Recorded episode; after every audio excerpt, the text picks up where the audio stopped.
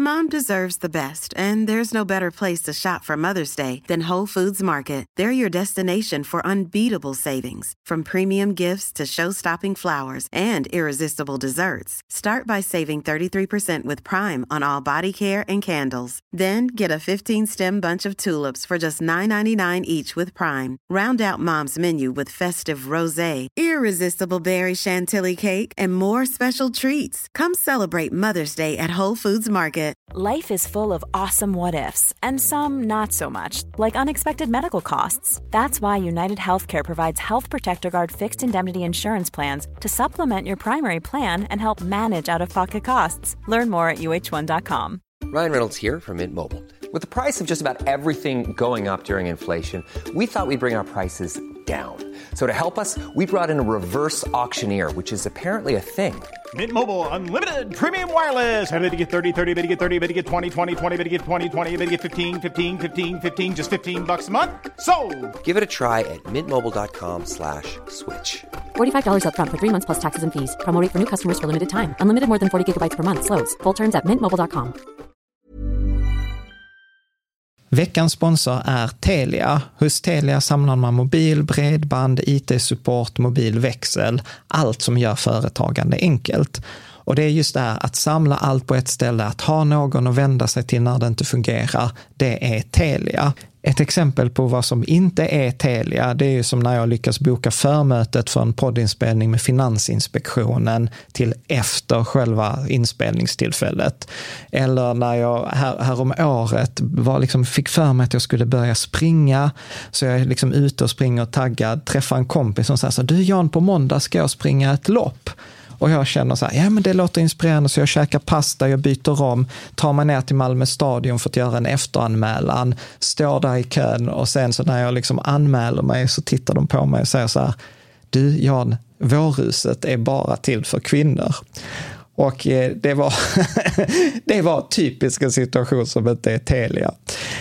Oavsett, ett stort tack till Telia som sponsrar, gör Rika Tillsammans möjligt, men framför allt tack till dig som lyssnar, följer och eh, hänger med oss varje vecka.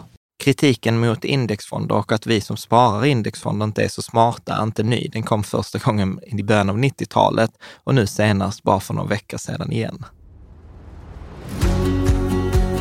Du lyssnar på Rika Tillsammans-podden som handlar om allt som är roligt med privatekonomi. I den här podden får du varje vecka ta del av konkreta tips, råd, verktyg och inspiration för att ta ditt sparande och din privatekonomi till nästa nivå på ett enkelt sätt. Vi som gör den här podden heter Jan och Caroline Bolmesson. Idag är det dags för avsnitt 122. Mm. Och idag så kommer det handla om så här, är indexfonder överskattade? Är de i en bubbla? Är det liksom så här, eh, är vi körda? Helt enkelt. Ja, var, var kommer detta ifrån Jan? Jo, men det kommer ifrån att... Vi eh, gillar ju indexfonder. vi gillar indexfonder, vi är alltid liksom den största liksom så här proponenterna eller förespråkarna för indexfonder. Men grejen är så här, för, för typ två, tre veckor sedan så var det ju Michael Burry, eh, som vi kommer att prata om, eh, som är en så här geniförklarad investerare, som bara liksom jämförde, som sa så här att ja, men nästa finanskris är indexfonderna och så jämförde han dem med de här eh, CDO-erna, liksom att det, kom, ja, men det kommer gå åt helvete med indexfonder för folk är dumma i huvudet. Mm, Och han porträtterades i filmen The Big, Big Short. Short, ja. Och det var han som spelade trummor eller? Exakt, så vi kommer, vi kommer, att prata, Ja. vi kommer att prata om det.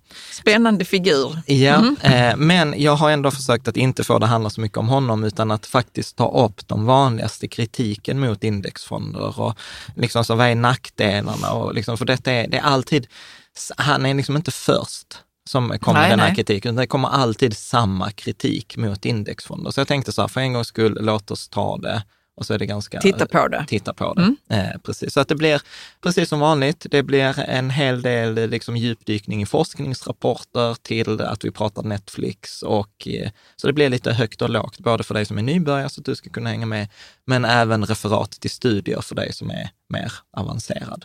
Eh, så, att, så, så är tanken eh, idag.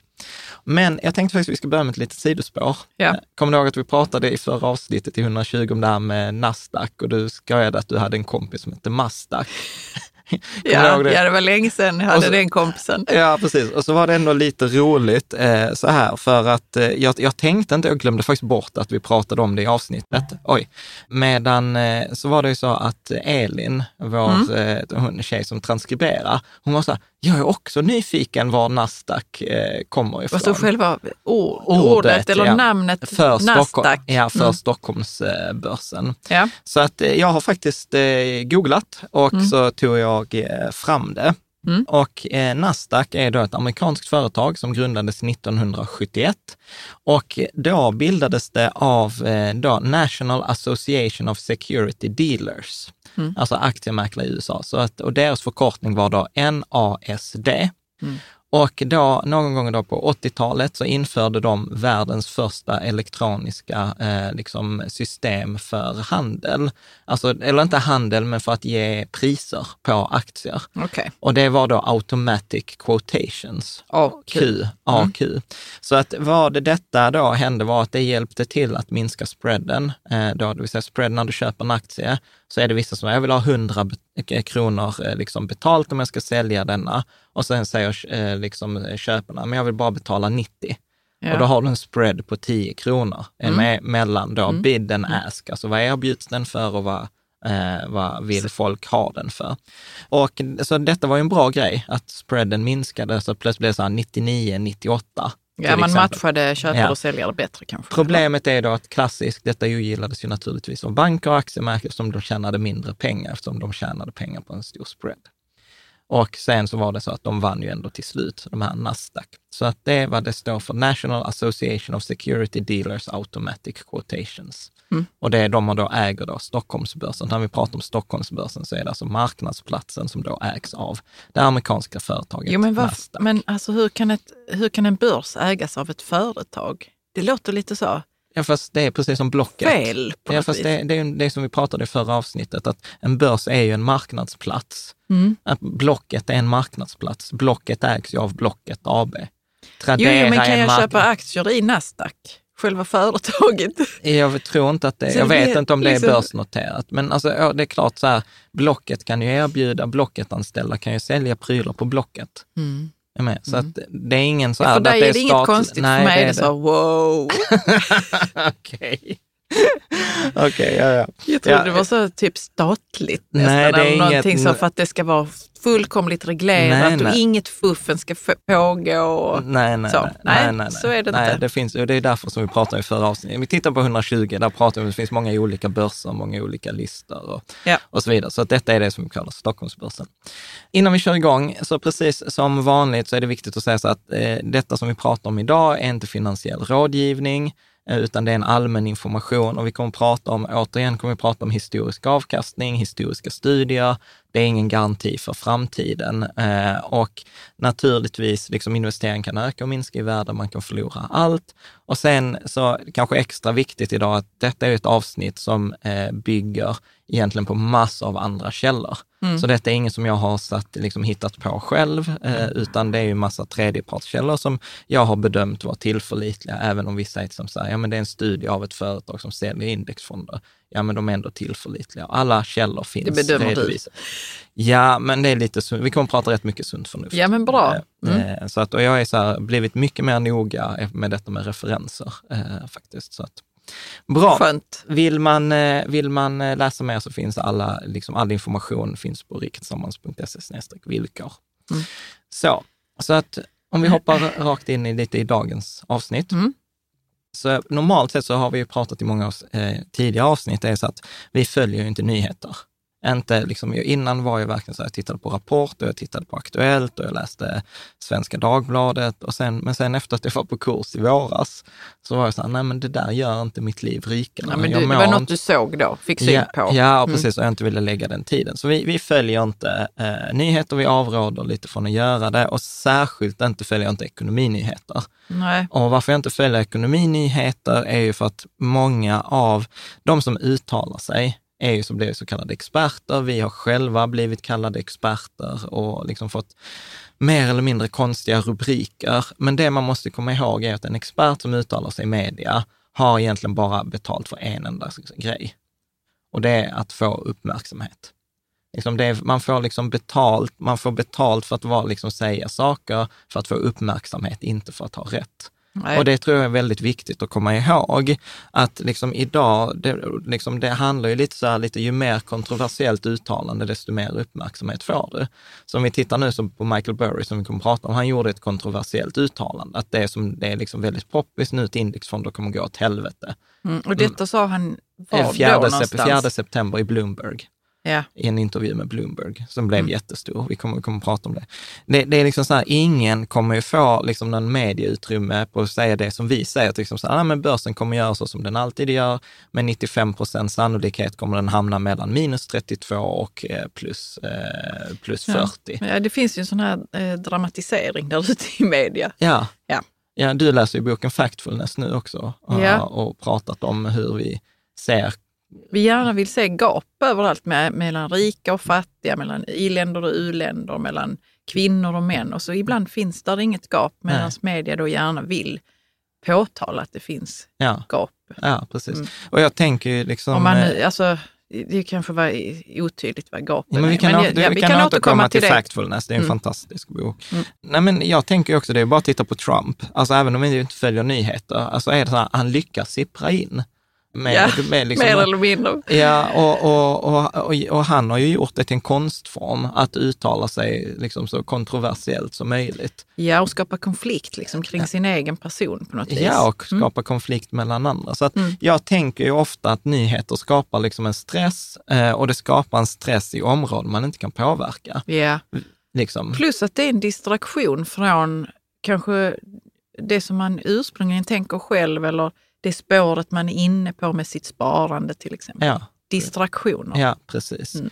Och, och, där är också så här som vi har pratat i tidigare avsnitt, att det handlar om lite om så här circle of control, alltså så här, vad kan jag kontrollera? Vad mm. kan jag påverka? Mm. Och där är väldigt, jag kan påverka hur jag placerar mina pengar. Jag kan påverka hur mycket räntor och aktier jag har. Men jag kan inte påverka hur marknaden går. Nej. Jag kan liksom så här, och varför ska jag då lägga massa energi på att försöka liksom oroa mig för hur marknaden ska gå, när jag ändå inte kan påverka det? Och då skapar det liksom så här stress. Onödig stress, ja. ja. Och lite som min coach säger, ju mer, eh, ju smartare man är, desto bättre är man ju på att skapa liksom, scenarion. Eh, liksom, tänka ut. Ja, tänka ut. Eh, det, hon sa ju så här, Stressande scenario för ja, sig själv. Ja, men precis. Hon sa ju så här att, eh, att det är så här creative misuse of imagination. Mm. Så, att, så att det, det är många anledningar varför vi försöker göra. Men ibland så är det så här att eh, inkorgen exploderar i alla fall, att det är många av er läsare som skickar. Så att jag tänker ibland, för mig är det så här ganska riskfritt att inte följa nyheter, för är det någonting som jag behöver ha koll på så när jag får reda på det av er. Mm. Och då var det den här eh, artikeln i Bloomberg eh, där, eh, som liksom med rubriken så här, The Big Shorts Michael Burry explains why index funds are like subprime CDOs. Mm. Uh, det vill säga att han jämför det med de här uh, subprime-lånen, alltså lånen de utan som säkerhet, orsakade... som orsakade hela finanskrisen. Uh, 2008. Ja. Mm. Och detta, detta var ju då i Bloomberg den 4 september nu 2019. Och Michael Burry, som vi var inne på, för dig som har sett filmen The Big Short, det är alltså han läkaren som spelar trummor och som har den här hedgefonden. Mm. Och för, för dig som inte har sett filmen, eh, rekommenderas varmt. Den finns på Netflix just nu, så om man prenumererar på Netflix så kan man se den. Och det är sevärd. Kommer du ihåg när vi såg den? När vi såg Nej, vad tänker du då? Ja, jag kommer ihåg när vi såg den. Vi såg den på nyår. Och så var vi så här, undrar vad detta är, så satte vi på och sen bara wow, vilken bra film, att det var en sån bonus. Yeah. Så för jag hade inte hört talas om den. Yeah. Och, och, den handlar ju då om bland annat då den här eh, Michael Burry, som alltså bara hans historia är ju väldigt spännande, för han är ju läkare och eh, sen så hängde han mycket på forum och skrev. Vilket slags forum? På nätet. På jo, nätet. Men det finns många forum. Jo, men aktieforum. aktieforum. Eh, mm. Och han var ju så här värdeinvesterare och han verkar ju ha någon diagnos eller någonting. Så att han skrev sjukt bra grejer, gick ner i mycket detalj och, och liksom så här. Så att då var det, jag, nu vet ni, detta har jag inte kollat upp, så nu går jag på hörsägen.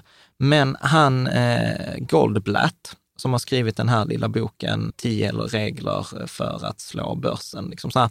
Eh, han, The Magic Formula, så mm. heter hans bok.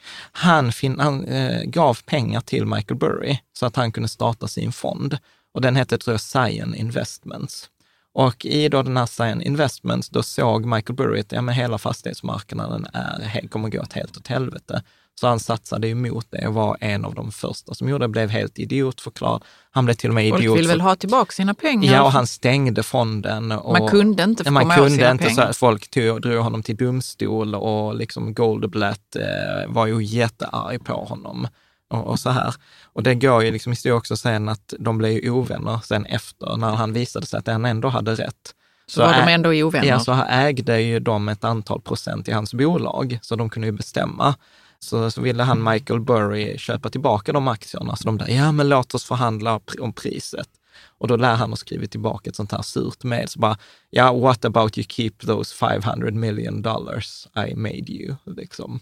Mm. De, han tjänade 500 miljoner dollar. Ja, eller om det var mer. Alltså, ja. så här, Till dem siffrorna. i denna ja, ja, krisen, i alla fall. Ja. Så att väldigt speciell person. Eh, jag tror han stängde fonden därefter och så har han hållit en ganska låg profil. Eh, Ja. sen eh, då 2008. Och jag har full respekt för honom. Jag tycker han är skitduktig. Liksom, han ska ha cred för att han hittade den här eh, liksom, fast, finansbubblan. Men jag tänker att vi ska bryta ner hans påstående i den här artikeln. Så jag har liksom läst artikeln, jag har brutit ner dem och sen har jag liksom sett mycket vad andra har svarat och sammanställt det. Och detta liksom spreds ju runt om i världen, att till och med här i Sverige så kom det ju artiklar I Dagens Industri, eller vad var det? Jag tror det var Affärsvärlden Mm. eh, med liksom så rubriker som, ska du läsa? Big Short-profil ser bubbla i indexfonder, det är Ja. rubriken då. Ja, precis. Så att detta har ju liksom spritt sig. Så att jag tänker att vi, vi bryter ner hans, istället för att läsa hela hans artikel, så bryter vi ner eh, den i fyra, de fyra grundläggande påståendena. Och jag tänker att vi börjar djupt nere, alltså så att med... Men får jag bara säga, Ja. fråga en sak här nu. Kände du dig arg när Mm. du såg hans påstående? Eller tänkte, inte arg kanske, men lite så provocerad? Nej, nej, för att grejen är att när jag läste, först var jag så här, ah nej, vad är nu detta? Eh, sen Varför läste, tänkte du så? För jag är så här, ge inte på, ge inte på indexfonder. Det finns liksom stabil forskningsgrund för det här. Ja, att du Och blev så- kanske lite trött Ja, och kring så det. blev jag Mm. liksom så här, att så här, du, hade, du, du, du har gjort dig ett namn, du har gjort bra grejer. Alltså, sitt inte här och gör bort dig. Mm. Ja, det är väl okej. ungefär så jag tänkte. Och sen så läste du artikeln? Eller? Nej, jag läste artikeln läste artikeln. först. Mm, eh, okej. först. Eh, och sen så tänker jag också, som vi kommer att prata om, alltså bara för att man lyckas ha ett rätt så är inte det ett track record. Nej. Så jag tänker så här, Mm. man ska, så här, jag försöker inte uttala mig i områden som jag inte kan. Och jag tänker att han kanske borde också hålla sig vid sin läst. Men eh, det är Som är väl, hedgefonder och... Ja, ja, men det kommer, vi, annat. kommer, vi kommer se Mm. det. Jag, jag bryter ner detta ganska. Men jag vill bara säga så att vi kommer börja ganska avancerat för att vi måste läsa vad det är faktiskt han har skrivit. Ja, självklart. Eh, och då läser vi det på engelska direkt från artikeln och sen gör vi en översättning. Så vad, vad, vad är det han säger egentligen? Och sen så tar vi fram argumenten för och argumenten emot. Och sen så försöker vi resonera. Så att det blir återigen liksom så här, freaka inte ut om det är så att du fattar inte vad det är han skriver, för jag fick också läsa det två, tre gånger innan jag var så här, men vad är det han säger egentligen med det här?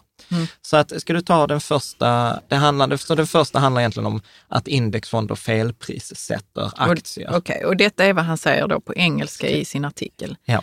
This is very much like the bubble in synthetic asset-backed CDOs before the great financial crisis, in that price setting in that market was not done by fundamental security level analysis, but by massive capital flows based on novel approved models of risk that proved to be untrue. Mm. Lång mening. Ja, precis. Nej, så vad Han har blandat in Nobelpris ja, och... han, säger, eh, han säger så här, i, i, i, i korthet, Ja, Eh, översatt och förenklat till svenska då. Ja, precis. Och så säger han så här, att, eh, att indexfonder är precis som bubblan i de här subprime-lånen 2008 för att man, ett problem där var ju att man tittar ju inte på de enskilda lånen och tittar vad är de värda, utan det är det filmen handlar om. Plötsligt var det en strippa i Miami som hade sju hus där det ingen bodde och hade liksom inte råd att betala. Men det var det ingen som tittade, utan man gjorde någon modell och sen prissatte man 10 000 lån. Man tittade aldrig vad lånen var. Och så, så, här, så är det också med, när du köper en indexfond, då köper du alla aktier på i hela världen. Det är ingen som bryr sig vad aktierna är värda, utan de eh, värderas enligt någon modell som någon nobelpristagare har gjort. Okej. Det är vad han, vad han Ja. säger. Ja. Och om vi då börjar bryta ner detta, så, så säger han då att de här passiva investerarna, när vi investerar i en fondrobot eller indexfond, då bryr vi oss inte om vad den underliggande aktien är, utan vi köper ju alla aktier till vilket pris som helst och man tar inget hänsyn till det enskilda företaget. Och då säger han så här, ja men detta leder till att prissättningen kommer att sluta fungera. Och ett exempel, om vi ska exemplifiera detta, eh, så kan man ju säga så här, till exempel att Apple kan ju komma med en fantastisk ny telefon eller en helt ny produkt och det kommer inte synas i att värdet på aktien ökar. För det är ingen som bryr sig om vad Apple har gjort, utan man köper en indexfond som äger en del av Apple för att Apple råkar vara ett av tusen företag man ska köpa. Och motsatsen stämmer också att till exempel British Petroleum, BP, kan explodera en oljeplattform till, förorena halva havet och det kommer, aktien kommer inte falla i värde. För, att det är den ingen ligger så- i... för, att, för den ligger i indexet och ingen bryr sig om vad indexet eh, liksom består av. Är du med? Så det, Ja. det är teorin. Ja. Och, och jag skulle säga så här, här måste man ge honom rätt i att detta stämmer i teorin. Eh, liksom att detta skulle, om, om alla köpte indexfonder så här så skulle ju detta vara sant. Men problemet är ju att detta är ett problem i praktiken bara om alla investerade i indexfonder. Hänger du med? Eh, Så att eh, Mr Money Mustache, en blogg som jag gillar, han, han illustrerar det absurda. Har han kommenterat detta han har nu också då? kommenterat, alltså ja. det- detta har ju alla har kommenterat detta. Till och, med vi, vi till och med vi kommenterar det här. Så att, och jag, gillade, jag gillade Mr Money Mustache, för han, han har ju lite så speciell eh, humor. Och då skriver han så här, ja men så här, ponera att det finns bara liksom en så här total världsindexfond. Eh, Det finns inga aktiva investerare, utan alla bara köper den här indexfonden. Så att det blir som en sån här zombie, en jättezombiefond. Alla är liksom stendumma och bara följer eh, massan. Ja. Och då skulle det ju detta hända, så att ingen, in, ingen investerare tittar på det underliggande bolaget, alltså som vi hade där Apple-exemplet.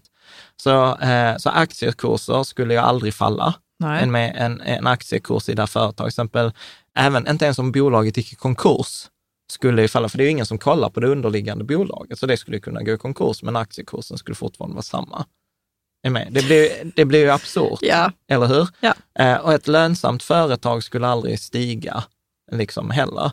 Så att om vi, om vi tar då i praktiken, så till exempel Apple, om vi fortsätter på Apple-exemplet, så Apples aktien skulle handlas på 0,39 US-dollar per aktie, alltså 39 cent per aktie.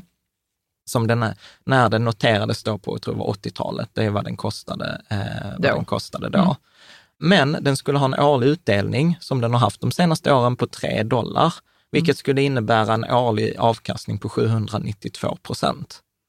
Är ni med? Och det är ju absurt. Det är liksom så här, va, om, det plötsligt så skulle ju någon upptäcka, men vänta här nu, den här aktien kostar 0,39 men den ger 3, 302 eh, i, i utdelning. Någonting stämmer det inte Jag då, tjänar alltså. 800 procents avkastning. Vad skulle hänt då? Det skulle stigit i värde, man ville ha mer. Eller hur? Man skulle vilja ha mer Mm. och det är kanske så att den här aktien skulle stiga i värdet kanske till ungefär 227 US-dollar, Mm. vilket är det som den handlades för i fredags. Mm. Med? Så att, eh, Ja, ja, absolut. så, så att Jag förstår, får jag bara fråga så här. När folk kommenterar detta då och vill vederlägga det som Mr Burry säger, Ja. är man då ute efter blod på något vis? Eller är det så att man genuint tänker, men han har inte tänkt igenom det här ordentligt? Nej, men jag tror, om jag, om jag ska ge honom the benefit of the doubt, Mm. så det kommer i hans fjärde påstående, så vad tycker han att man ska göra istället? Eh, och då tycker ju han att man ska välja ut enskilda aktier eh, Mm. och gärna Japan, för att där är de undervärderade. Och då utgår, jag tror att han utgår från sin egen förmåga och jag har sett detta så många gånger hos duktiga människor. Duktiga människor ibland är så lite verklighetsfrånvända att de fattar inte hur duktiga de är själva. Vi har ju haft sådana exempel här i Sverige också, att det finns investerare till exempel, som är så himla duktiga, att de fattar inte hur duktiga de är själva och sen tror de att alla kan göra samma sak. Ja, ja absolut. Det Så kan nog jag- vem som helst egentligen Ja. som är duktig på någonting inte fattar att man är duktig. Ja, Mm. eh, så att det är den schyssta förklaringen. Ja. Den oschyssta förklaringen är att detta är ju all, liksom, vi pratar om honom i en håla i Sverige. I liksom, alltså Att han vill ha... eh, Att det gav uppmärksamhet. Och gav ju säkert, har han en fond så gav, ger ju det säkert massor av pengar till hans fond. mm. För att det är något som vi kommer också prata om, det är lockande med någon liksom så expert. Vet, så här, han förutsåg finanskrisen, liksom, Och han är smart han och nu säger han detta, men det är klart att jag ska ta rygg på honom. Mm. Eh, liksom så. Mm. så att, eh, ja, vi kommer att prata om det också. Mm. Så att jag tänker att, eh, så hur nära? Så, det, så då, blir, då tänker jag så här att den, den, den rätta frågan att ställa sig är inte så här huruvida liksom är, har, fel, har liksom prissättningen på marknaden slutat funka, utan då ska jag snarare säga så här, hur nära är vi den där jättezombie-indexfonden som äger allt? Ja, hur nära är vi? Ja, eller hur? Det blir ju den relevanta frågan för att se, är vi Mm. nära detta scenariet som han eh, pratar om? Och eh, tittar vi då på, på studier så är det så här 1980, för typ 40 år sedan, det var det typ ingen som investerade i indexfonder. Eh, utan det var ju då Jack Bogle startade bland de första indexfonderna i Vanguard. Men tittar vi då på de senaste siffrorna som jag hittade då från Jonas Lindmark på Morningstar, eh, och de är från 2 oktober eh, och eh, det är ett par dagar sedan. Eh, Då är det så här att 50 procent av sparandet i den amerikanska, eh, i amerikanska US-fonder eh, är i indexfonder idag. Så hälften av sparandet i amerikanska eh, fonder. Men om vi tittar i USA så äger eh, indexfonderna bara 15 procent av det totala börsvärdet. Så 85 procent av det totala börsvärdet, alltså totala aktierna, ägs av någon annan än indexfonder. Ja. Så vi pratar alltså inte ens en, en sjättedel.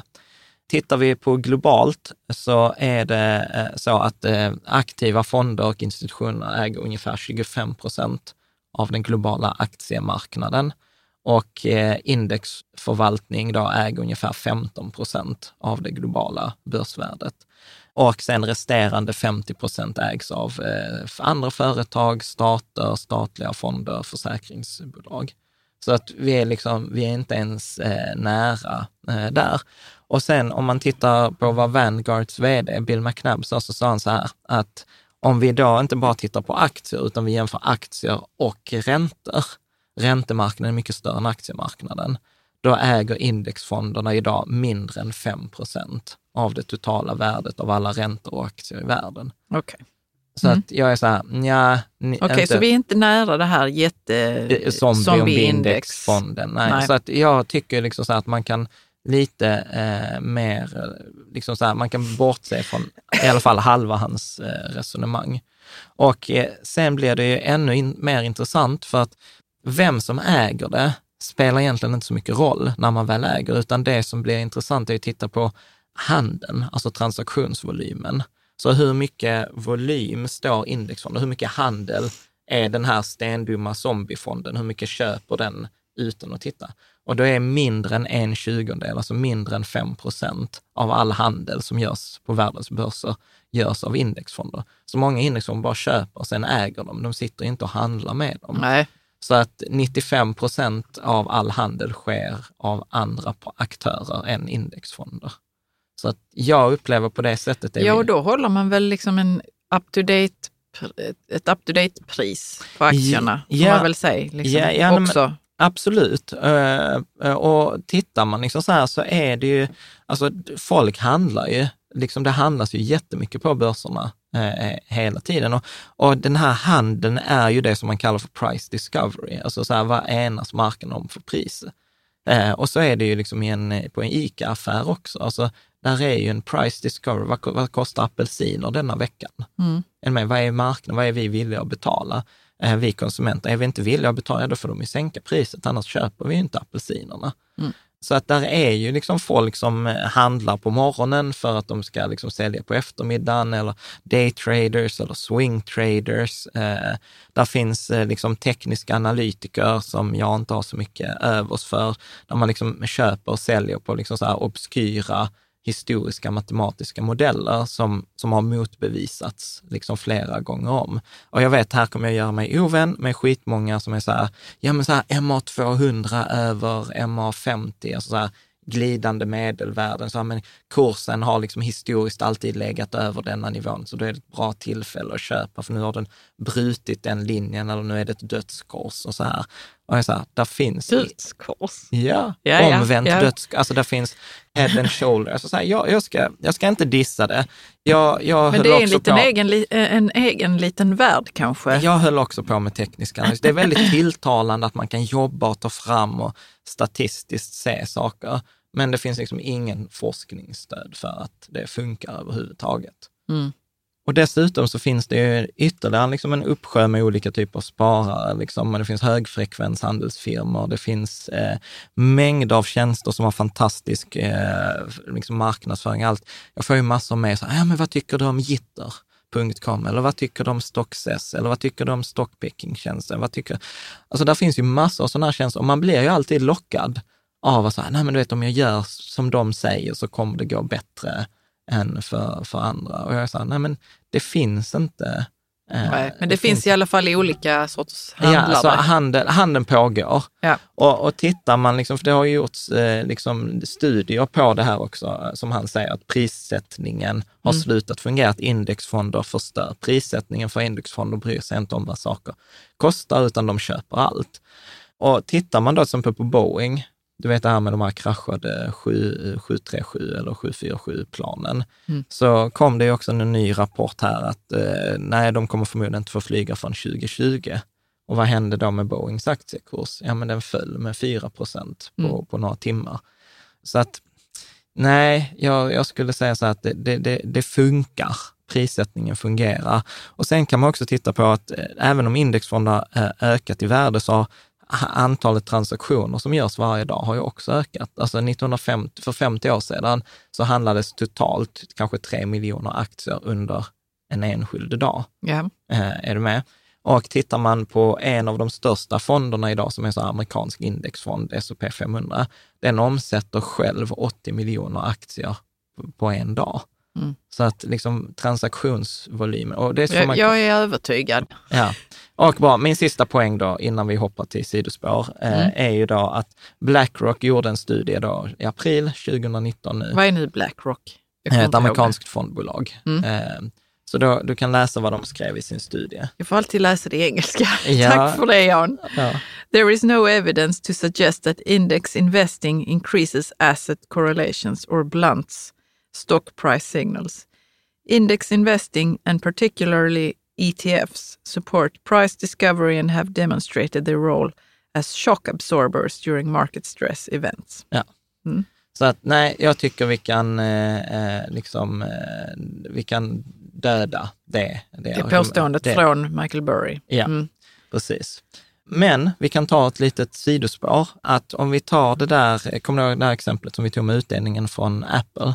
Att om Apple hade delat ut 3 dollar och aktien kostat 0,39 så hade ju folk flockats dit. Ja. Nu är det ett väldigt uppenbart exempel, men det finns ju då folk som säger att detta pågår idag. Okej, spännande. Vad är det då vi ska handla för någonting? Ja, men precis. Och då finns det en sån här futurist eh, som heter Catherine Wood och hon har skapat en fond som heter då ARK. Eh, ARK-fonden. ARK-fonden, ja.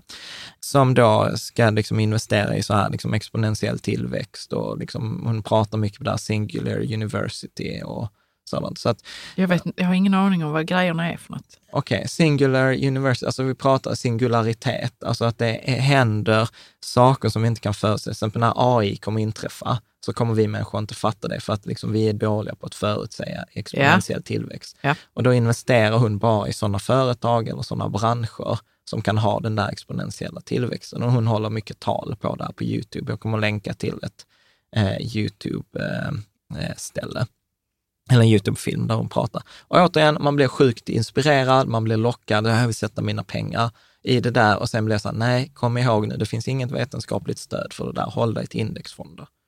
Så att lite som, för att runda av just den punkten, lite som eh, Mr Money Mustache eh, säger, att eh, när liksom aktivt förvaltade fonder aktivt börjar överprestera mot indexfonder och fondrobotar, men att det inte bara är en enskild bransch eller ett enskilt land, eller, utan att när detta sker konsekvent, ja då är det dags att byta från indexfonder till aktivt förvaltade fonder med låga avgifter. Mm. Men och det har inte hänt än. det har inte hänt och jag lovar att när det händer så kommer vi eh, säga till.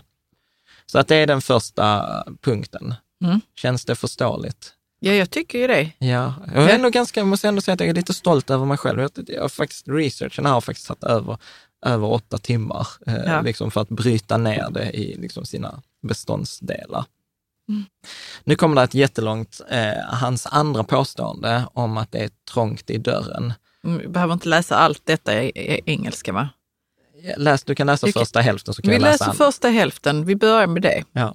The dirty secret of passive index funds, whether open-end, closed-end or ETF, is the distribution of daily dollar value traded among the securities within the indexes they mimic. Ja. Ja. Fortsätt att läsa. In the. Russell 2000 index, for instance, the vast majority of stocks are lower volume, lower value traded stocks. Så, Ja. så vad, är det, vad är det han säger egentligen? Vad är det alltså det är så långa eh, meningar här. Ja.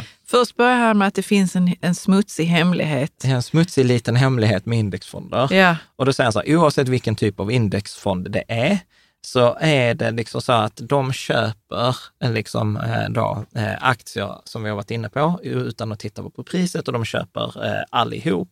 Och då säger det att de köper då i vissa företag och då Russell 2000, det är ett index, precis som det finns S&P 500 med USAs, amerikanska börsens 500 största bolag, så är Russell 2000, det är de 2000 största småbolagen är med. Och, och då säger de att de, då säger han så här att många av de här bolagen handlas inte. Det sker inte så mycket handel i de här. Och, och detta bygger ju då på resonemang som man kommer till i det andra stycket, att när alla kommer vilja sälja indexfonder så kommer liksom man inte kunna sälja dem, för det kommer inte finnas några köpare. Så att det, därav resonemanget är liksom att det kommer bli trångt i, i dörren. Och det är det som kommer i det andra stycket. Vill varför du- är detta en dirty secret egentligen? Ja, för att Är det inte bara ett, ett sexigt ordval? Eller? Ja, ja, men så är det också så här, du vet, det är en journalist som skriver det. Ja, ja. Ska Okej, ska du nu tar vi in andra stycket här. Ja, men he, var, det, var det förståeligt? Förklaringen av det? Att det liksom handlas med aktier som inte, det är, Som inte normalt handlas så mycket med. ja, precis. Så att det, det Vem, så, vem ska bry sig om dem egentligen då? Jo, men- är, ja, är det det han menar? jag- eller? Ja, nu, ska jag försöka hitta på en metafor medan vi pratar, så detta kan bli illa. Men det är som, tänk så här, det är som en affär som liksom normalt har väldigt lite kunder. Ja. Liksom. Och så har de sålt någonting och, och det går bra så länge liksom alla bara köper. Men sen om det kommer tillbaka massa människor samtidigt vill lämna tillbaka det de har liksom köpt i affären, så kommer inte alla få plats i den här lilla affären och den lilla affären kommer inte kunna betala tillbaka pengarna till alla, för den klarar inte den anstormningen av människor. Mm. Lite, lite som den Fire Festival kanske. Eller. Jag vet inte. Shit, vi tar nästa. Jag Jo, men jag, jag tror vi, vi kan vi diskuterar detta under tiden nu Ja. också. Nu har vi andra stycket här. Ja. Yet through indexation and passive investing, hundreds of billions are linked to stocks like this. The SP 500 is no different. The index contains the world's largest stocks, but still 266 stocks, over half, traded under um, 150 million t- uh, dollars today. That sounds like a lot, but trillions of dollars in assets globally are indexed to these stocks. The theater keeps getting more crowded, but the exit door is the same as it always was. Mm. Okej, vad sa han här nu då?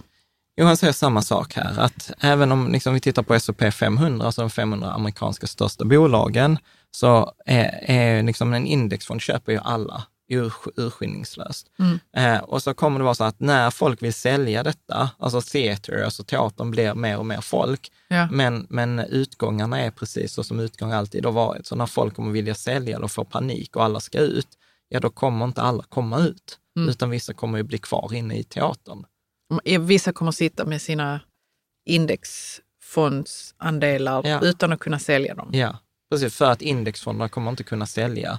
Men varför tror han att de folk skulle vilja sälja dem? Ja, I men så- panik? Ja, för liksom. det händer ju alltid i panik ju. Eh, liksom. ja, men så är det väl alltid med Ja. alla aktier? Ja, precis. Eller? Ja, Ja. precis. Men då, då säger han ju liksom så här, nej men detta är ett problem som man inte pratar om, att detta är en dirty little secret. Att du köper någonting som du inte kommer kunna bli av med. Ja, Liksom. okej. Ja. Ja, men det makes sense ändå. Ja, absolut. Alltså han är inte dum i huvudet. Nej. Eh, så här. Men, eh, och, och detta är återigen direkt från artikeln citerat. Men eh, liksom jag skulle säga så här, att han har ju helt rätt i att investerare tar ut sina pengar när indexfonder, alltså när börsen faller i värde. Det, har, det, ser, det ser man alltid. Vi såg detta 20, förra hösten. Lysa har bekräftat detta med fondroboten också, att när det skakade till så tog pengar, folk ut sina pengar. Det är därför, detta är en av anledningarna till varför jag brukar säga så här att du är dina pengars största fiende. Det är inte marknaden som kommer förlora mest pengar åt dig, utan det är du när du freakar ut. Ja. Liksom. Och, och, och då spelar, precis som du säger, spelar ingen roll om folk freakar ut med om det är en indexfond eller en vanlig fond.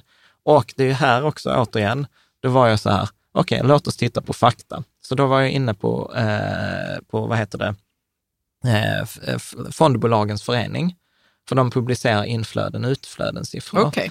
Så att liksom spara vad som händer, detta har man sett i USA och nu har jag visat att det är så även i Sverige, att i skakiga perioder tar människor ut pengar, både från fond, aktivt förvaltade fonder och indexfonder, men man tar ut pengar i en högre utsträckning från aktivt förvaltade fonder än från indexfonder. Hur kommer det sig? Ja, för att jag skulle säga förmodligen svänger de mer. Med? För att det är högre risk. Jag kommer, jag kommer visa det. Så tittar vi till exempel då på siffror från Fondbolagens förening mellan då september och december 2018, alltså i den perioden det skakade till, då var liksom kvoten, uttagskvoten i de aktiva fonderna var 1,15.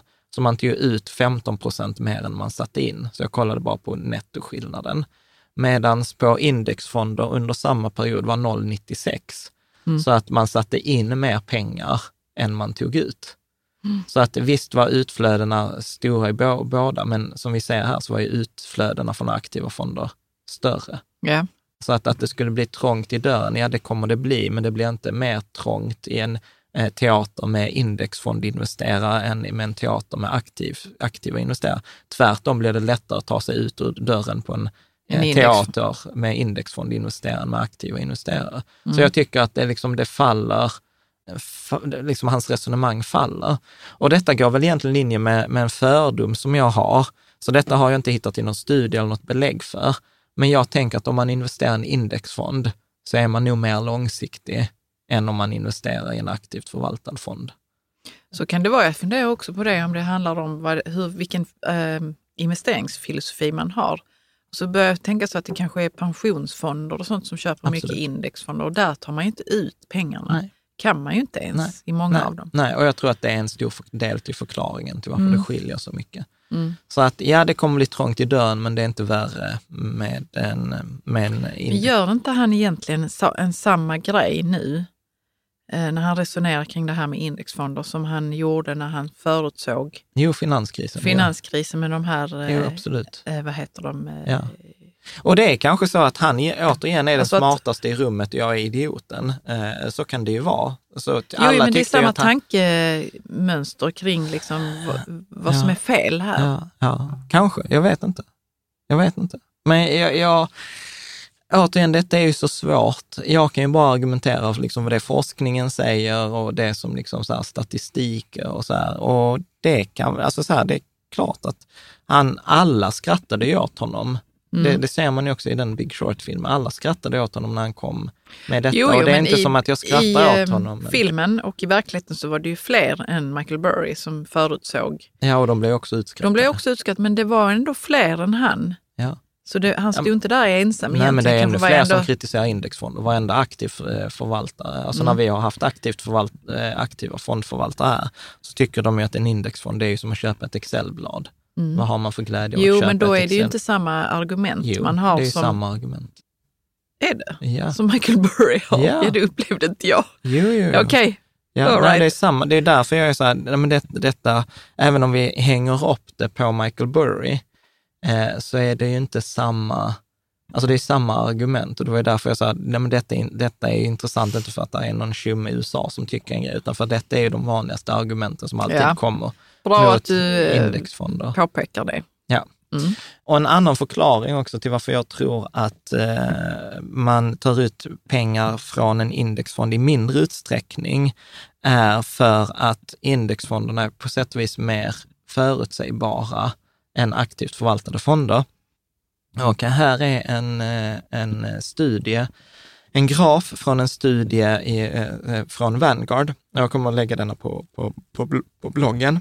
Och denna visar då avvikelsen mot indexavkastningen. Så om, om marknaden gjorde 10 procent, hur avviker aktivt förvaltade fonder och hur avviker indexfonder från de här 10 procenten? Ja. Eh, och så är detta liksom då fonder mellan 2006 och 2016.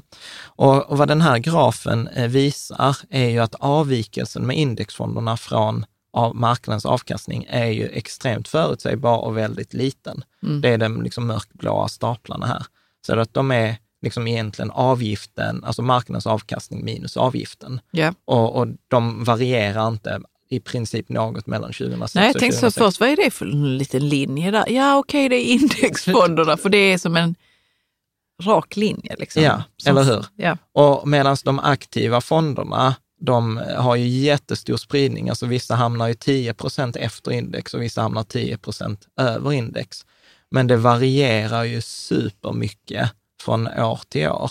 Och på det sättet alltså, så tror jag att folk lämnar ju de aktivt förvaltade fonderna för att med en indexfond, ja, men börsen gjorde minus 20 och du fick minus 21. Det är man så ja okej. Men du, börsen gjorde minus 20 och din aktivt förvaltade fond gjorde minus 42. Mm. Alltså, med, då lämnar man. Eller ja, man kan bli 30. besviken Ja. då. Ja. Så, så indexfonder på det här sättet ger ju en, en, mycket, en, en, stö, en större relativ förutsägbarhet. De kan inte förutsäga vad marknaden kommer göra, men du kan förutsäga din avvikelse mot marknaden. Mm. Eh, och det, det tror jag också är viktigt. Bra. Så detta var hans eh, resonemang här, trångt i dörren. Mm. Eh, liksom så här, är det förståeligt Jag, att... jag tycker att jag förstår det, men förhoppningsvis förstår andra också det. Däremot gjorde jag ju bort mig nyss och bara, ja men det är ingen annan som säger så som Michael Burry. Du bara, jo, alla andra som kritiserar. Så Ja, jag har jag- rätt dålig koll på det här. Nej, men det är inte det är inte ditt jobb att ha koll. Mm. Nej, det är inte mitt jobb. Det är mitt, ditt jobb. Det är mitt jobb, ja. Ja. Och jag tycker ändå jag har koll. Mm. Och sen har, jag så himla, så har vi så himla duktiga läsare, följare och tittare, så när jag Mm. inte har koll så brukar jag få reda på det. Mm. Hans tredje argument, Motpartsrisk. ja, Okej, ska vi se vad han skriver här nu då. Ja. Potentially making it worse will be, will be the impossibility of un, unwinding the deri derivatives and the naked buy sell strategies used to help so many of these funds pseudo match flows and prices each and every day. visst är det Alltså, fantastiskt vilken- att, att man lyckas ska göra det så jäkla komplicerat. Eller hur? Man är så här, vad är det han skriver? Liksom man får Ja, jag läsa. blir nästan, vet du vad, jag blir nästan förbannad för jag tycker att man behöver inte beskriva saker så Nej. svårt. Nej. Är det att vilja göra sig svårfattad? Ja. ja, eller så är det så att man är smart och sen återigen så fattar man inte att andra inte fattar. Men detta är ju så här, detta är varför det är liksom så här finansbranschen kan ta betalt för det. Så vad är det? Vad är Jag det? har aldrig, jag har aldrig gillat när man, när man klär sitt språk i någon slags eh, svår eh, Ja. mantel, svårfattlig mantel. ja, Avsiktligt eller oavsiktligt så har jag, bara, jag har hatat det. Ja. Från att jag började första klass. ja, jag, nej, men jag håller med. Alltså, så här, alltså, det är bara att lyssna på meningen. Impossibility of unwinding the derivatives and naked buy sell strategies to help so many of these pseudo match flows. Alltså allvarligt talat, vad är det han säger? Jo, så vad han säger är så här. När man ska följa ett index, Ja. så, så, och jag har en indexfond, så kan man göra detta på olika sätt. Det vanligaste, enklaste sättet, så som de flesta av oss tänker, det är ju att jag liksom eh, köper, bokstavligt talat köper de här olika aktierna som ingår i det här indexet. Så att om jag går på ICA och jag har, vi har bestämt att vi har en liksom inköpslista, så är det vårt index, ja men då köper jag alla de eh, grejerna helt enkelt, så jag äger dem. Med. Men så är det, alla gör inte så. De vi rekommenderar, till exempel Lysa och Vanguard och så här, de gör på det sättet. Så de äger den underliggande tillgången. Är med? Men det finns ju också då så finns det till exempel så här indexfonder som är med hävstång, till exempel. Eh, eller så där man vill egentligen, så är man så här, men det finns ingen anledning för oss att binda upp en massa kapital i de underliggande aktierna. Vi kan ju bara spekulera i skillnaden på priset. Är ni med? Att vi kan, vi kan bara spekulera liksom så att vi kan sälja aktien och när vi har sålt eh, aktien så kan vi passa på att köpa den samtidigt. Är ni med? Så det är det som kallas för derivat. Derivatan, förändringen av. Förändringen av, ja. En förändringen av. Så att då kan man liksom handla med de här grejerna utan att behöva äga saken i, i grunden. Är med? Det, det är väl den enklaste förklaringen. Sen kan man gå in på detaljer. Ja, det är lite svårt att, att fatta det, men Ja. det, Ja. jag, jag vill inte veta mer Nej, nej, men- noggrant men- men vad det- derivat är Men, något. men, men det, vi har ju pratat, till exempel med Erik Strand, har vi pratat mycket Mm. med där motpartsrisken. För alla derivat har en motpartsrisk. För då är det så att du har lovat, till exempel så med, med guld, Ja, till exempel så här, nej men eh, jag äger massa guld, jag kommer inte sälja mitt guld. Så säger du så här, ah, men skitbra, då använder jag ditt guld som säkerhet och så betalar jag dig en liten slant för att få använda ditt guld som säkerhet. Eller hur? Och så då tänker jag- äger inte jag ditt guld, Nej. men jag kan använda guldet. Ja, Ja. Och sen- och det är som ett derivat då? Ja, Mm. precis. Något förenklat. Ja. Eh, eh, Något liksom jag, förenklat, jag hade ja. inte fått godkänt på en eh, universitetsuppsats med den förklaringen. Men fördelen här är ju att sen kan du ju sälja den, för då vet ju en, liksom en tredje person, men du har ju liksom det där med säkerhet. Eh, och sen så kan det bli en lång kedja så här. Och sen i en kris, som han skriver, så här, i en kris så, så blir det omöjligt att veta vem som sitter med Svarte Petter. Förstår du? Och då säger han unwinding här betyder att man kommer liksom inte kunna liksom lösa ut vem det är som sitter med Svarte Petter. Men vem är det, alltså eh, vad är Svarte Petter här i detta fallet? Att någon kommer ju liksom inte, någon kommer, Någon ju, kommer inte kunna sälja sin... ja, någon kommer inte kunna liksom hålla det löftet man har gett.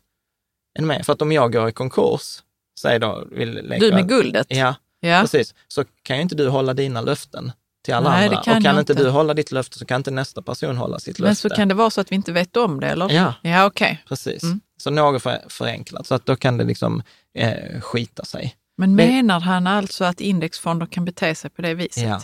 Ja. När det handlar om derivat? Ja. Ja. För vissa indexfonder äger inte aktierna, utan de äger bara liksom säkra eller derivaten på de här. Mm. Så att Ja, jag, men det makes också sense. Ja, absolut. Eller vad ska man säga? Ja, och det, Det verkar om, vettigt. Ja, och det, det, det handlar om förtroendet. Och jag, jag håller med honom och jag, jag är så här, jag håller mig långt borta från de här derivaten. Eh, Liksom de här certifikat och trackers och optioner och sånt. Warren Buffett är också så här, liksom, och det är så här finansiella weapons of mass destruction. Har Så- han sagt det? Ja, ja, Mm. ja precis.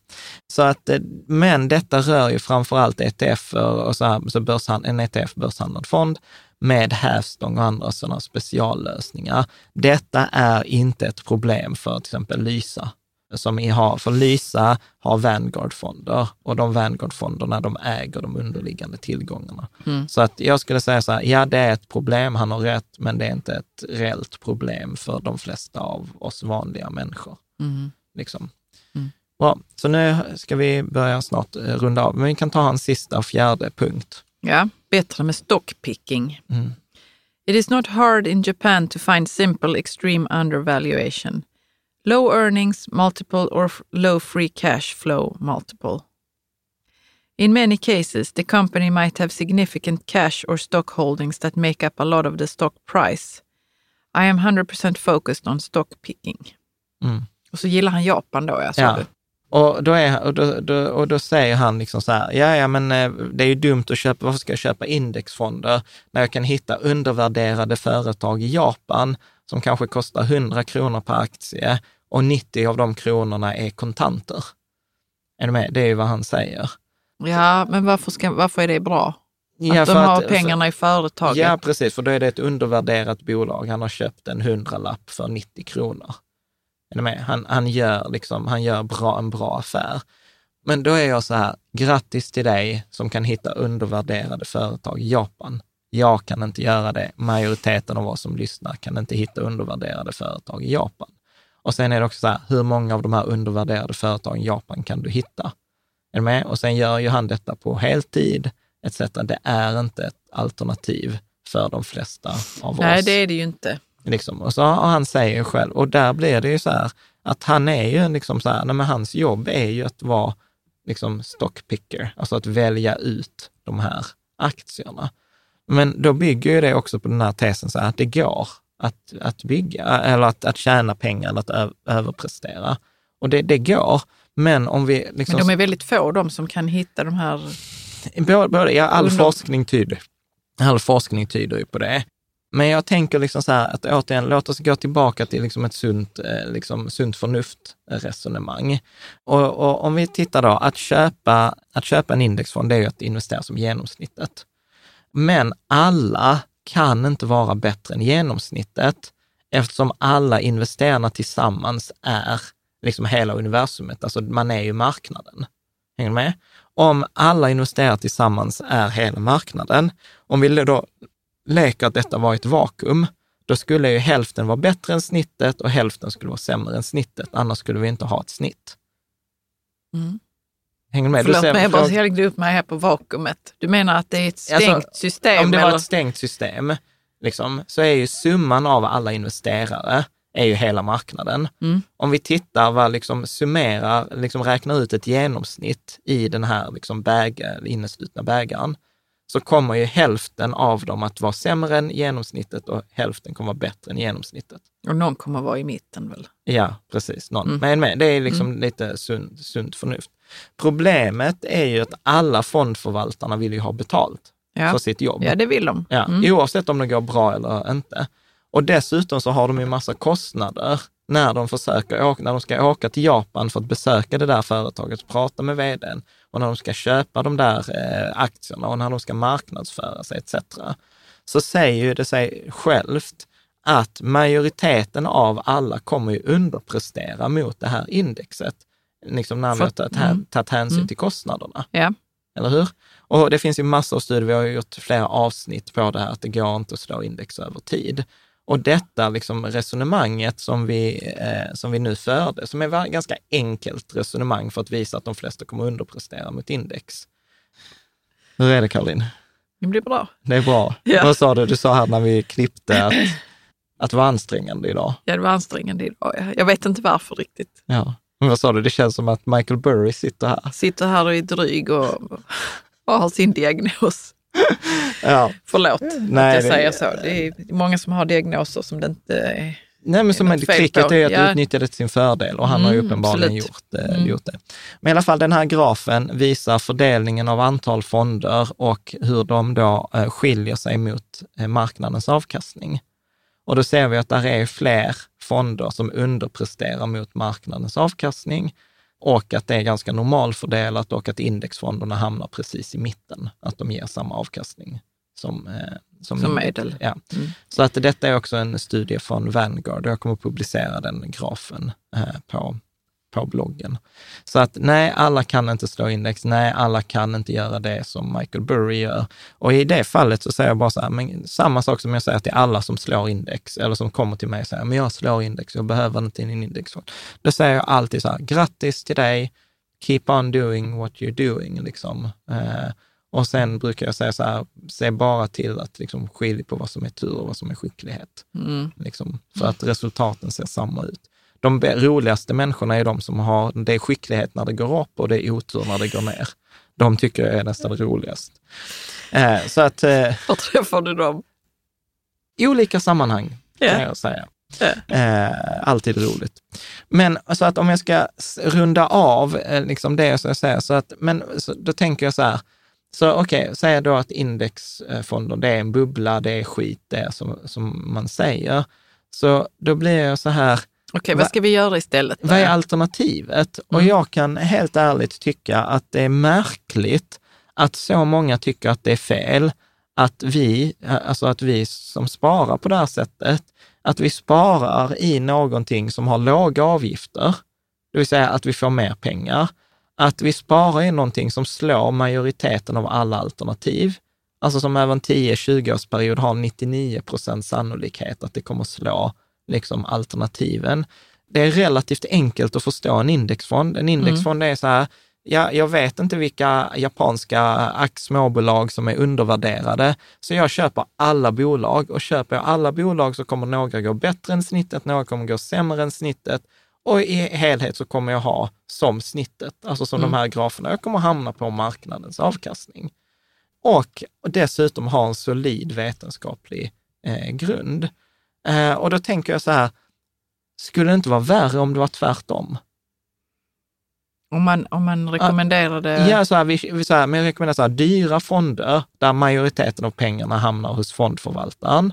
Något som eh, underpresterar mot majoriteten av alla alternativ, där du har en procent sannolikhet över en 20-årsperiod att vinna eh, och det finns ingen vetenskaplig grund och du kan inte förklara vad det är du har köpt. Mm. Är det bättre? alltså, I'm just saying. Men alltså, du vet att för ett sånt resonemang går ju förlorat i det här. Jo, men jag blir så himla nyfiken. Detta är ju överhuvudtaget kanske, det kanske inte har plats här i en ekonomipodd på det viset, men ja.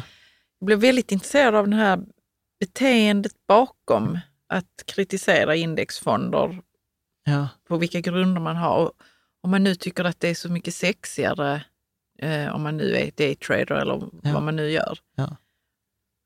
Um, alltså varför, kan... varför känner man sånt hat mot indexfonder? Ja, jag vet inte, men jag tror att det där handlar om personlighet. Är det är liksom inte så himla, det är ingen eh, man får inte vara duktig. hjärnkirurgi liksom? Ja. Nej, men jag kan ju vara så här, alltså det är som alla de här undersökningarna visar, vilka yrkesgrupper är sämst på att investera? Mm. Läkare, civilingenjörer, jurister, alltså så här högpresterande människor. Det är samma i någon artikel jag läste när jag gjorde research, så var så här, alltså så här, alla kommer aldrig investera i indexfonder. Det finns alldeles för många människor som har sådana A, så här, det finns alldeles för många A-typ människor som ska bevisa sig själva att de är bättre än alla andra. Mm. Jag, med, jag är från tid till annan en sån person. Jag hatar ju att förlora. Jag ska minsann visa folk. Liksom, så att, eh, så är så vi att, nog så allihopa så, lite grann Så att jag tror att det där är mer ett, områden. Ja, så jag mm. tror att det där är mer ett psykologiskt behov. Eh, liksom. men, men forskning är ju entydig. Liksom, så att jo, det jo, men att inte. då, att då eh, slå på det som är liksom alternativet. Ja, men för att, för att man ser det som ett hot. Ja. Faktiskt. Och, och denna kritiken alltså mot indexfonder är inte ny. Jag hittade ett citat eh, från Fortune eh, nu, 14 september. Då citerar de en sån här legendarisk hedgefondförvaltare eh, som heter Seth Klarman. Och han sa att 1991 eh, eh, så skrev han redan där, vill du läsa mm. sista citatet? When it passes, the prices of securities included in popular indexes will almost certainly decline relative to those that have been excluded. When the market trend reverses, matching the market will not seem so attractive. The selling will then adversely affect the performance of the indexers and further exacerbate the rush for the exits. Nej, det är precis okay, vad Michael Burry jag, sa. Jag vet inte vad han sa här. Jo, men då säger han så här, att det här indexfond, det är något nytt påhitt när det går över. Det är en fluga ja, okay. som går över. Mm. Och så säger han så här, att, eh, där, att securities included in popular index will almost certainly decline. Det vill säga att de aktierna som ingår i ett index kommer garanterat att gå ner relativt till de som inte var med i indexet. Mm. För folk är dumma i huvudet som köper alla aktier utan att bry sig om vad de kostar. Och när den här trenden äh, byter sig så kommer den här försäljningen då att äh, trycka ner priset och folk kommer försöka springa ut genom utgången, men utgången är alltid precis så som den har varit och det kommer inte att gå. Mm. Alltså det är så här, det är Michael det är Burry samma, ja. för, för 40 år sedan. Eller för 30 år sedan. Så att detta är inget nytt. Det kommer låta så här. Vi, vi ska inte, när vi kommer intervjua eh, för, förvaltare här som jobbar aktivt så kommer de säga precis samma sak. Mm. Så det är inget nytt eh, etc. Och lite som jag började i avsnittet också, att eh, jag, jag tycker verkligen Michael Burry förtjänar all cred. Jag tycker det är en fantastisk film. Jag tycker han verkar en spännande person. Ja, Christian... Han har ju alltså inte gjort filmen, han har bara varit en uh, figur Ja, precis. Christian, Christian Bale som spelar uh, Michael Burry. Uh, han är, är jätteduktig. Han är jätteduktig, ja. Lärde sig till och med spela trummor för filmen. Läste mm. jag i en annan mm. artikel. Det betyder inte att han vill vara Michael Burry, utan Nej. han vill, för den filmen var han det. Ja, precis. Men så här som då Alan Ross tror jag skrev så här, one brilliant call isn't a track record. Mm. Alltså bara för att du hade rätt en gång så betyder inte det att du har liksom en, en, histor, en historik. Där finns nämligen mängder av andra. Där fanns en som heter Gary Schilling. Han gjorde 13 förutsägelser 2008. Alla 13 stämde. Okay. Och det var liksom ännu bättre förutsägelser än Michael Burry. 2009 gjorde han 13 nya förutsägelser. Alla var fel. Mm. Vi har aldrig hört talas om Gary Schilling eh, sedan dess. Meredith Whitney, briljant förutsägelse 2007, men eh, liksom sen eh, skrev, som jag skrev här, köpte varmkorv på läktaren 2010. Okej, vad betyder det när man köper varmkorv på läktaren? Är det att man sitter och tittar på utanför marknaden och, och Ja, äter skräpmat eller vad då? Nej, men att man har blivit eh, lurad. Eh, liksom, du vet, på när man spelar fotboll eller handboll Ja. så köper man alltid varmkorv. Och så är det så här att istället för att vara på planen och spela så har du blivit så lurad så du kunde lika gärna gå och köpa en varmkorv. Okej. Är med. Så hon är liksom så här, Mm. Ja, men vet vi. hel, helt fel. Eh, vi har pratat om Elaine Garcell i ett annat avsnitt. Hon förutsåg svarta måndagen på 80-talet. Blev, blev känd som Michael Burry. Hon fick en egen fond eh, och liksom hela paketet. Lyckades aldrig igen förutsäga liksom något på samma sätt. Eh, samma sak Peter Schiff som vi brukar skoja om som är så här världens så här neggu. Han kommer också få rätt någon dag. Gör du tillräckligt, och det är det som är att vara expert eller så analytiker. Gör du bara tillräckligt många förutsägelser så kommer du någon gång få rätt. Har du dessutom gjort kontroversiella uttalanden och du får rätt, ja men då blir du ju en idol. Vi kommer ju aldrig bli, liksom, det kommer aldrig göras någon film om oss två för att vi säger så här, köp en indexfond för det kommer vara bra över en 30-årsperiod. Mm. Är med? Det är inget kontroversiellt. Det finns massor av exempel. Det gjordes en studie av David Dreman. Han tittade på 50 års finansiella förutsägelser. De hade rätt i 23 procent av alla fall.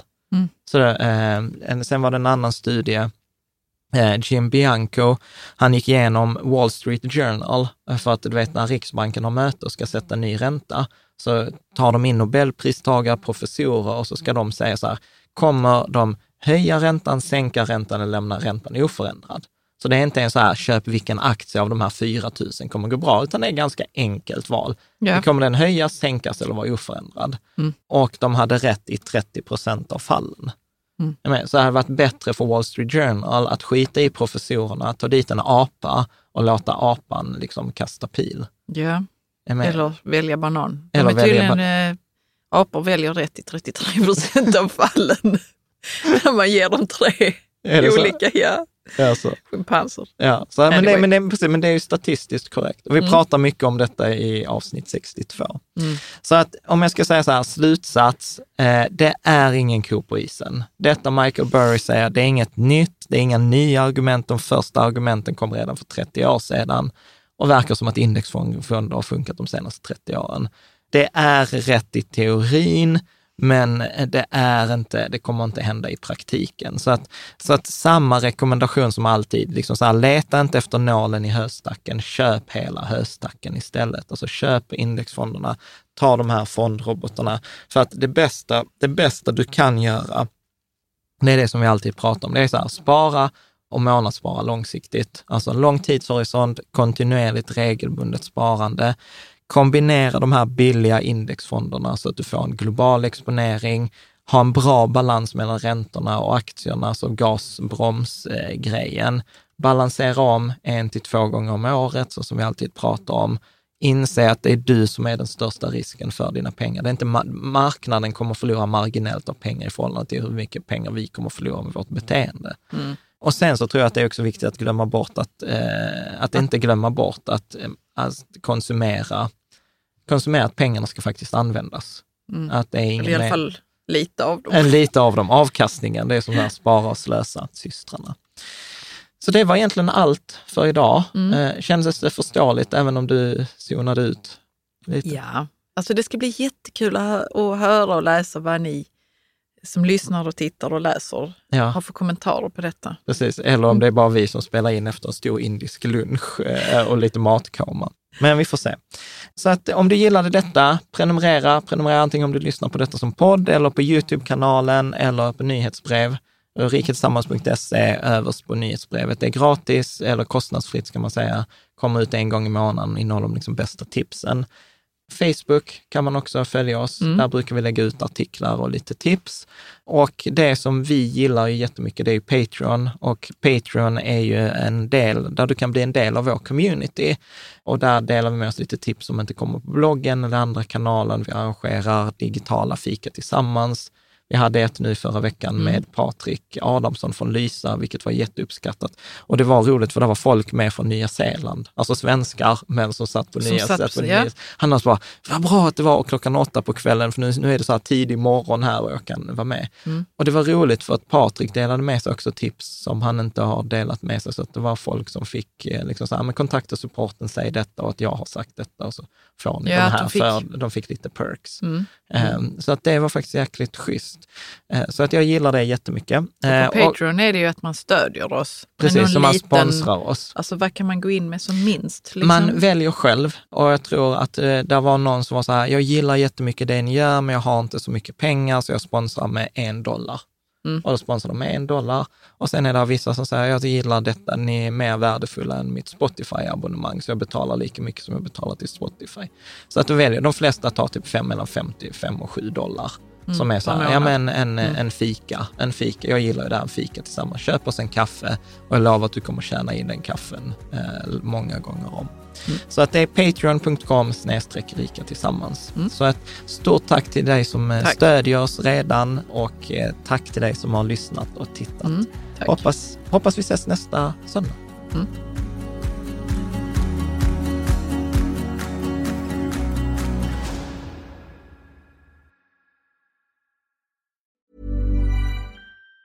Planning for your next trip? Elevate your travel style with Quince. Quince has all the jet setting essentials you'll want for your next getaway, like European linen, premium luggage options, buttery soft Italian leather bags, and so much more. And it's all priced at 50 to 80% less than similar brands. Plus, Quince only works with factories that use safe and ethical manufacturing practices. Pack your bags with high-quality essentials you'll be wearing for vacations to come with Quince. Go to quince.com slash trip for free shipping and 365-day returns. Hi, I'm Daniel, founder of Pretty Litter. Did you know cats tend to hide symptoms of sickness and pain? I learned this the hard way after losing my cat, Gingy. So I created Pretty Litter, a health monitoring litter that helps detect early signs of illness by changing colors, saving you money and potentially your cat's life. Pretty Litter is veterinarian developed, and it's the easiest way to keep tabs on your fur baby's health right at home. Go to prettylitter.com and use code ACAST for 20% off your first order and a free cat toy. Terms and conditions apply. See site for details.